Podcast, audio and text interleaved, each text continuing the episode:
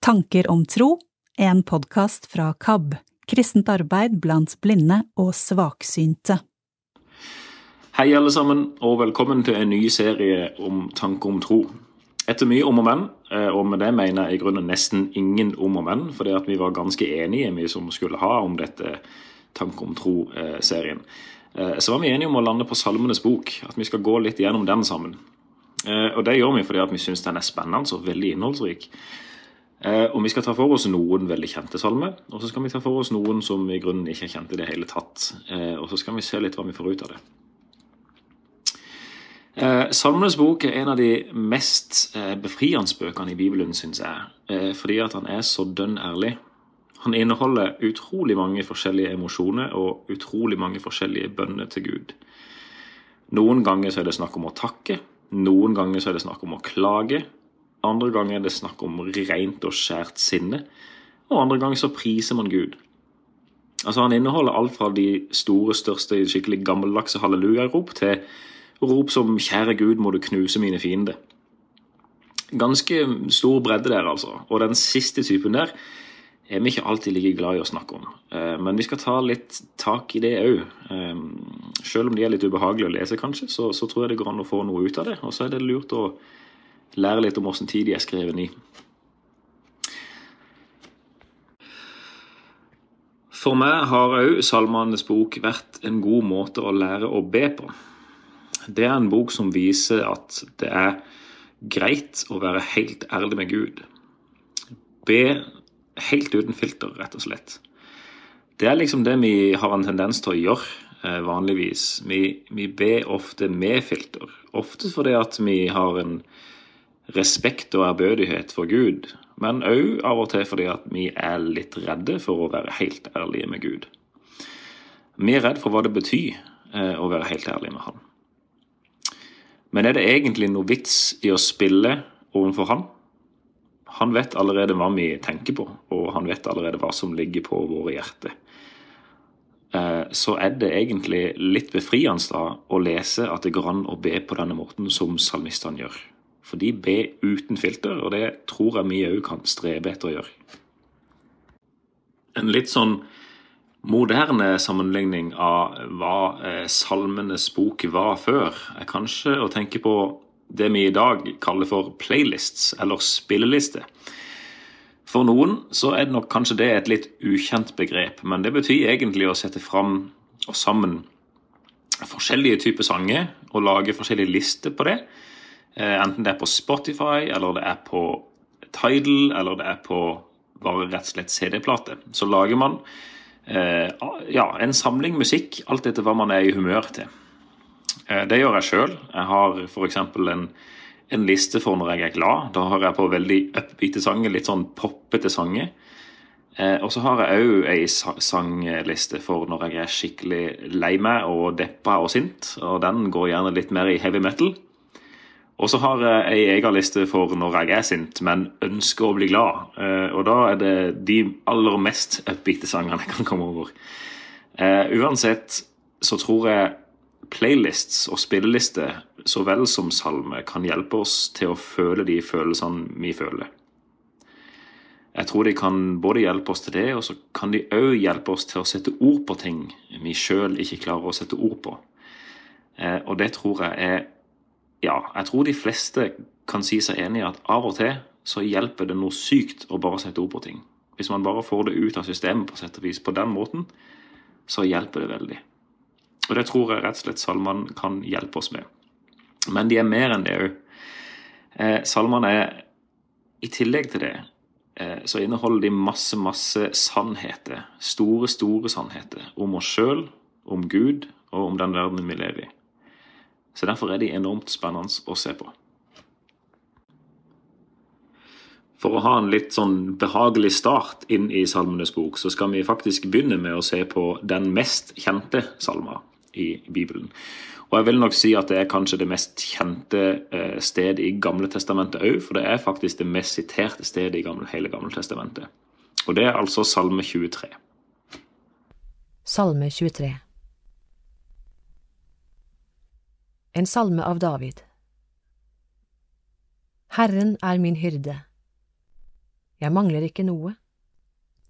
Han lar meg ligge i grønne enger. Han leder meg til vann, der jeg finner hvile. Han gir meg nytt liv. Han fører meg på rettferdighetsstier for sitt navns skyld. Om jeg enn skulle vandre i dødsskyggens dal, frykter jeg ikke noe ondt, for du er med meg. Din kjepp og din stav, de trøster meg. Du dekker bord for meg, like foran mine fiender. Du salver mitt hode med olje, mitt beger renner over. Bare godhet og miskunn skal følge meg alle mine dager, og jeg skal bo i Herrens hus gjennom alle tider. Salme 23 er ei veldig sterk salme, og det er jo en grunn til at han er så populær som han er. Det er rett og slett en deklarasjon av troskap midt i en veldig vanskelig situasjon. David, som angivelig har skrevet denne salma, er i en fryktelig situasjon her. Han kaller det sjøl for dødsskyggens dal, faktisk. Likevel lovpriser han Gud og erklærer at han stoler på han fullt og helt. David har òg bakgrunn som gjeter, og det merker vi jo preger hele salma, rett og slett. Eh, han snakker om Gud som hans egen gjeter, og seg sjøl som en slags sau, egentlig, som må bli gjeta rundt. Og hvis man eh, vet litt om, om ja, hvor dumme sauer kan være, som David visste alt om, så skjønner man at han bruker ikke et veldig sånn flatterende uttrykk om seg sjøl her. Eh, så ja,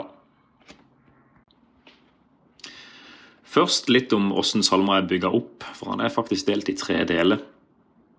Den første delen er fra vers 1 til 3. Her snakker David om Gud i tredje person. Herren er min hyrde, skriver han. Eh, og handlinga utspiller seg egentlig her på engene. Han lar meg ligge i grønne enger, som David skriver. Eh, og det omhandler òg altså en gjeteregenskap med Gud her. Og det er at Gud leder David. Så her er det altså snakk om Gud som en god leder. Og Så beveger vi oss videre til del to, som i grunnen bare er ett vers, eh, og det er vers fire. Eh, forstår vi at vi har skifta litt setting, vi har skifta litt eh, sånn område. Nå er vi altså i dødsskyggens dal. Her får vi høre mer om Gud som beskytter, og at han beskytter David midt i dødsskyggens dal. Og del tre som i grunnen er resten av salma, eh, omhandler Gud som forsørger. Og nå har vi flytta oss inn i teltet der eh, David spiser og får alt servert av Gud. Det er at Gud forsørger han, rett og slett. Denne salma har nok trøsta veldig mange, og det er nok i den sammenhengen jeg har stort sett hørt han brukt. Eh, men for meg så assosierer jeg kanskje noe helt annet med han først. Og det er egentlig at den er ganske utfordrende. Eh, for min del så syns jeg kanskje det kan være vanskelig å oppleve Guds nærvær og at han er nær meg når jeg går gjennom dødsskyggens dal. Av og til har jeg gjort det, og absolutt av og til har jeg ikke kjent det på den måten i det hele tatt.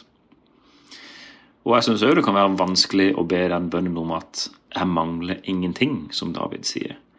Ofte kjenner jeg på det at det er veldig mye i livet mitt som ikke er på stell, og at jeg mangler faktisk en hel del.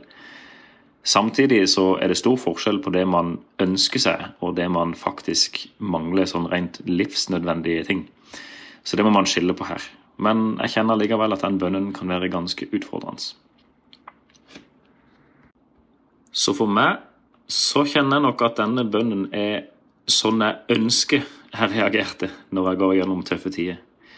Det er ikke nødvendigvis sånn jeg faktisk reagerer, men det er en sånn idealversjon av meg sjøl, der jeg faktisk takler det på den måten jeg ønsker å takle det. Så det er en utfordring til troa mi mer enn det er en trøst for min del. Men det er jo en fin ting. Det er ikke sånn at denne salma nødvendigvis er der for å trøste. Det kan godt hende at den er der for å utfordre og minne oss på troa vår i ganske tøffe tider. David avslutter nemlig salma bare godhet og miskunn skal etterjage meg alle mine livs dager, og jeg skal bo i Herrens hus gjennom lange tider. Og dette er en konklusjon han sjøl trekker basert på erfaringer han har. Han snakker altså om ei god framtid basert på hva han har opplevd i fortida si. Han har nemlig opplevd at det å stole på Gud, og det å stole på den ultimate hyrde, det funker. Eh, og nå er det kanskje veldig mange her som, som, kjenner litt på det samme som jeg gjør. Kanskje dere ikke alltid har hatt erfaringer at Gud er, oppleves veldig nær. Eller kanskje dere ikke har turt å helt stole på det noen gang eh, når dere står i tøffe tider. Så av og til så er det ikke lett å stole på sine egne erfaringer der. Men av og til så går det an å stole på andre sine erfaringer. Og her tenker jeg kanskje vi skal prøve å stole på David sine erfaringer. Han utfordrer oss til å gjøre det. Og gå for det at Herren er vår hyrde. Det å tørre å kaste oss litt ut i det, og stole på at Han er der. Sjøl om vi ikke alltid opplever det sånn. Det er liksom det salma utfordrer meg til å tenke litt.